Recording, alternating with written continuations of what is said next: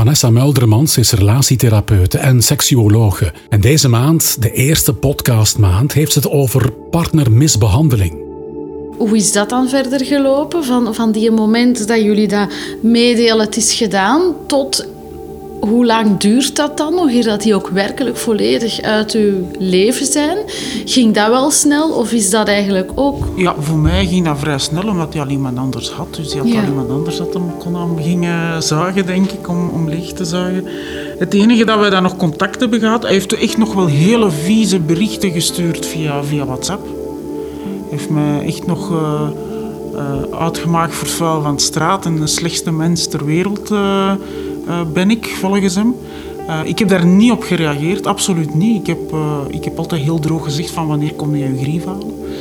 Eh, ik heb dat allemaal uit de kasten gehaald. Ik heb dat allemaal in de garage gezet. Ik heb alles in een rommel erin gezet. Ze gebruikt maar een grote camionet mee en komt alles maar in één keer halen, want één keer is meer dan genoeg. Ehm, hij heeft me dan, allee, hij heeft proberen uit te lokken. De ene keer was dat een lief bericht, dan was dat een, een, een echt een vreed bericht, maar hij heeft, heeft de reactie van mij proberen uit te lokken de hele tijd. Maar ik, ik, ik heb dat ook bewust niet gedaan. Ehm, ik had het er echt mee gehad. Dus voor mij, ik herinner mij dat hij de deur is uitgegaan met heel veel lawaai. Eh, kinderen waren niet thuis. En ik ben gaan zitten op de zetel. Ik heb geen traan gelaten. Ik heb echt geen traan gelaten. En dat was alsof dat er, dat, dat, weet dat niet, de, de helft van de wereld van mijn schouders viel of zo. Dat was heel dubbel bij mij. Dat was heel raar eigenlijk. Vermis dat, je weet dat die persoon niet goed is voor u. En toch vermis dat dat eigenlijk, als ik het zo bruut mag zeggen, een sukkeltje is. Want dat is het eigenlijk. Het is een sukkelaar. Sim- zijn- die zijn- zijn, die zijn gewoon sukkelaars. Die zijn gewoon sukkelaars. Gewoon sukkelaars. Punt. Een betere formulering kan ik er niet voor geven. Het zijn sukkeltjes, zo chirurgarmen. En iedereen is altijd de stouterik eh, en behalve zin. Wat Calimero. Voilà, voilà, Calimero. hè, Dat is een goede benaming, Calimero. Ik heb er, ik denk bij mijn eigen, achteraf nu dat ik dat zo bedenk, denk ik van, ik heb die nog, eh, hoe zou je dat zeggen, een voedselpakket half meegegeven. Bepaalde dingen, borden en tassen, want toch hier god, hij had niks niet meer, want hij had alles achtergelaten voor bij mij te komen wonen. Hè. Nog eens een keer een schuldverwijzing van zit de stouterik. Dus ik heb hem nog hè, een matras meegegeven, potten en pannen, zodat hij een startersetje had voor zich op, zich op, zijn begin, op zijn eigen te beginnen.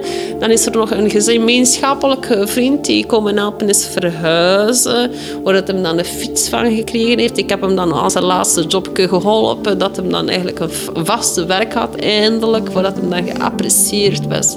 Aha, want hij was toch zo'n goede, een goeie.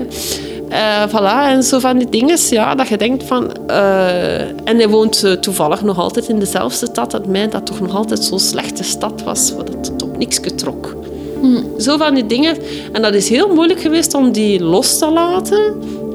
Want die heeft nog geprobeerd om terug te komen. En wat dan mijn fysieke... Dus ja, mijn, dus niet meer, niet meer mijn woorden, maar mijn lichaam zelf zei... Deze relatie is niet goed, want elke keer als ik die zag, begon ik te wenen. Ja. Dus dan heb ik dat ook tegen hem gezegd. Zeg, elke keer als ik u zie, want dan was mijn verjaardag en dan was meneer daar, want het was ook corona, dus je kon bijna niemand anders zien. En opeens stond hem daar dan aan mijn deur, tok tok. Een halve stalking gedrag heb ik ook meegemaakt. Dus stond hem daar aan mijn deur, tok tok, ja, en ik wil, en ik wil u zien. En ik weet nog dat een buurvrouw tegen mij zei, ah, maar Veerle, je ziet zo rood. Ik zeg, ja, dat is niet van liefde, ik zeg, dat is van de colère dat ik die onnozelaar hier zie. Dus heel veel emoties komen altijd terug naar boven als je die persoon ziet. En geleidelijk aan begin je dat af te bouwen. Omdat je... Ja, ik heb er persoonlijk veel, veel eh, zelfstudie naar gedaan. En heel veel zelfliefde terug moeten opbouwen voor mezelf. dan. Ik heb hem niet meer moeten zien, hè, buiten het feit dat hij nog zijn grief is komen halen. Maar het heeft lang geduurd eer dat hij uit mijn systeem was. Ja, maar dat begrijp dat hij ik, uit, ja. mijn, uit, mijn, uit mijn lichaam was, hoe moet ik dat Ja, zeggen? maar ja, dat Ja. bedoel ik met die zelfliefde. Net dat je... Dus al die die nare opmerkingen naar je persoon van je zet dit of je zet dat en hoe, wat we er nu weer aan van dingen en je zet bekend zoveel jaar, waarom doe je dat aan of wat, wat denk jij wel dat je nu nog gaat uitgaan? Ik had zoiets van, als jij wilt gedragen gelijk een bompa, go ahead, maar ik, ik ben zo. Ik zeg, je bent toch met mij begonnen wetende, al wetende dat ik een persoon ben die graag uh, het sociale leven heeft en graag uitgaat en dit en dat. Maar dan was er altijd wel iets dat zo, ja, je bent geen serieuze vrouw, je bent, niemand gaat je nog willen. Nou. Ja, niemand gaat je nog willen, je bent afgedankt, je bent af. Ik heb die nadien nog gezien in mijn uh, ja, openbare functie heb ik die nog gezien. Ik was na de relatie natuurlijk, uh, heb ik mezelf mijn kas opgefret, letterlijk en figuurlijk, en ben ik 10 kilo bijgekomen. En dan heb hij nog gezien, ja, je zit uh, nogal eens een dikke, een, vette troll geworden, ik zal het zo zeggen. Maar dan heb ik hem in zijn eigen taal uitgemaakt en op zijn plaats gezet. En ik heb zoiets van, ja, nu geleidelijk aan zal ik wel uh, vermageren. Uh, dat ik gezonder ga eten en terug een beetje ga sporten. Maar uh, ik laat het niet meer aan mijn koude kleren komen, ik zal het zo zeggen. En nu, in mijn huidige relatie, zijn mijn grenzen. Dat is heel belangrijk. Dat je zo, vooral dat je in een relatie moet je gewoon je grenzen zetten. En vooral alle rode, vlag, de rode vlaggen niet negeren. Dat is het belangrijke eraan. Maar ja, het is niet zo gemakkelijk soms. Want ja, dan waren die relaties gedaan. En dan, hoe, hoe ging het dan? Want dan was het was nog niet klaar. Het verdriet, de pijn is niet opeens vingerknip weg op, op het moment dat die man weg is. Hè? Hoe, hoe hebben jullie dat dan wat aangepakt? Proberen... Ik, voor mij was het gevoel, ik was bevrijd. Hè. Op dat moment, dat was die day mm voor mij. Er was, er was, hij, was, hij was weg. Um, maar hij heeft nog... Soms dacht ik van mezelf dat ik gek was, want ik had nog altijd het gevoel dat hij mij overal op al die dingen aan het controleren was. Ik denk dat ik op een gegeven moment elke week op alle social media mijn paswoorden veranderde. Gewoon uit angst van, die zit daar nog. Ik ben een nieuwe gsm gaan kopen, omdat ik dacht, mijn gsm, want dat, in dat toestel zit spyware en die, kan, die weet waar ik zit en ik wil dat niet dat hij dat weet. Ik denk dat je gelijk hebt. Mijn buurvrouw uh, heeft gezegd van kijk, uw ex eh, die komt hier elke dag langs de fiets. Ik heb die volledig geblokkeerd ook. Dan op een gegeven moment denkt je van oké, we zijn een half jaar of een jaar verder en misschien is het tijd om, om terug te gaan daten. En dan gaat het terug daten en dan voelde dan zit op een date en dan gaat je eigenlijk meer op al die rode vlaggen letten dan dat je eigenlijk aan het luisteren bent en in dat gesprek bent met die mens. Je gaat eigenlijk al dingen gaan zoeken die er waarschijnlijk niet zijn. Van nee, dat is, dat is geen goeie. En, en, en ik had al, dan, dan, of dan waren die geïnteresseerd in mij en dan stuurde die van, ah, wat ga je doen vanavond? Denk ik, oh nee, die wil me controleren. Terwijl dat, dat waarschijnlijk de meest onschuldige vraag was dat die mens stelde. En dan voelde ik, dat zat gewoon nog in mij. En dat heeft echt wel denk ik, twee jaar minimum geduurd vooraleer dat ik daar terug uh, allez, wat, wat, relaxer kon zijn als ik, als ik contact of als ik een date had met, met een andere man. Ja. Mm. Die heeft ook al mijn ex-vriendjes afgebeld. Hè. Ja. Ja, bij mij heeft hij gans mijn computer uitgepluist toen mijn ex. Mijn ex heeft gans mijn computer uitgepluist en daar stonden bepaalde nog uh, foto's dat ik was vergeten van uh, pikante foto's van ex-dates. Ik zeg, oh shit. En dat heb ik dan ook wel mogen aanhoren en direct uh, moeten uitwisselen. Ik heb na, het, na het beëindigen van, de, van die relatie wel terug contact gehad met ja, partners waren dat niet. Dat waren zo van die flirts eigenlijk. Maar flirts waar je wel heel goed mee overeenkwam. Ja. Uh, dat, dat is eigenlijk even zoiets geweest zijn, maar dan daarna eigenlijk meer naar vriendschap. Alleen vriendschap was het. Ja, dat je goed contact mee hebt, uh, intellectueel, ik zal het zo zeggen. En die heb ik dan terug uh, contact opgenomen om te babbelen. Gewoon, wat is er met u gebeurd? En die hebben dan eigenlijk blijkbaar soortgelijks iets meegemaakt. Dat was eigenlijk heel bizar. En momenteel is dat contact terug afgesloten. Maar dat was even zo'n momentje zo van... Ik heb behoefte aan met u te babbelen. En dan heb ik mee gebabbeld. Hè. Er is niks verkeerds met mij. Dat was al bevestiging nummer één. Ik had bevestiging nodig van... Er is niks verkeerds met u aan de hand. Er is niks meer verkeerds met met jou als persoon. Het is de andere. Ja, en het was belangrijk dat die Dat exen of die ex-flirts dat bevestigden. Ja. Ja. En nu, nu zit ik terug in een relatie. Ik ben eigenlijk redelijk snel voor mezelf, want ik had eigenlijk totaal geen zin in relaties. En dan was een goede vriend van mij die zei van, oh, zet je eens terug op die Tinder, jongen, want je zit te veel ontzagen. En, uh. en ik heb dat dan gedaan. En dan, ja, f- eigenlijk totaal ongeïnteresseerd met iemand. Ja, wat was dat? Een conversatie van, kom eens een keer kijken naar een eh, volleybalmatch. En dan ga- gaan kijken naar die volleybalmatch. Want ik had zoiets van, zeg, Trut, eh ga eens gewoon eens gaan zien naar die volleybalmatch. Eh, dat is niks, eh, niks verbindends. Dat is gewoon even plezier in coronatijden. Even buiten met iemand gaan babbelen. Die zijn pintje drinken. op afstand. Gewoon alles veilig en alles gecontroleerd. Het mocht toen dat je buiten kwam. Dus allee. En uiteindelijk is dat mijn partner geworden, gewoon omdat daar eigenlijk niks moest. Het was niks verplicht. Het was ook zo geen flirt. Het was ook niets van, hi, je hebt mooie ogen. Van die onnozele dingen. Nee, dat was gewoon normaal. Alles vriendschappelijk, alles rustig. Het heeft ook maanden geduurd dat we iets hadden. Wat zouden jullie zeggen tegen mensen die aan jullie op, zeggen van op dit moment zit ik in zo'n soortgelijke relatie? Welk advies zou je geven? Als je twijfelt dat het niet oké is, stop met twijfelen, want dan is het ook niet Ja. oké. ja. Ja. Ja. Maak een belofte aan jezelf en hou je eraan. En hoe, hoe hard en hoe moeilijk dat het ook is, sluit, je deur, sluit, sluit de klep van je hart. Doe de deur dicht en smet die buiten. Met de politie erbij of niet de politie erbij, buiten.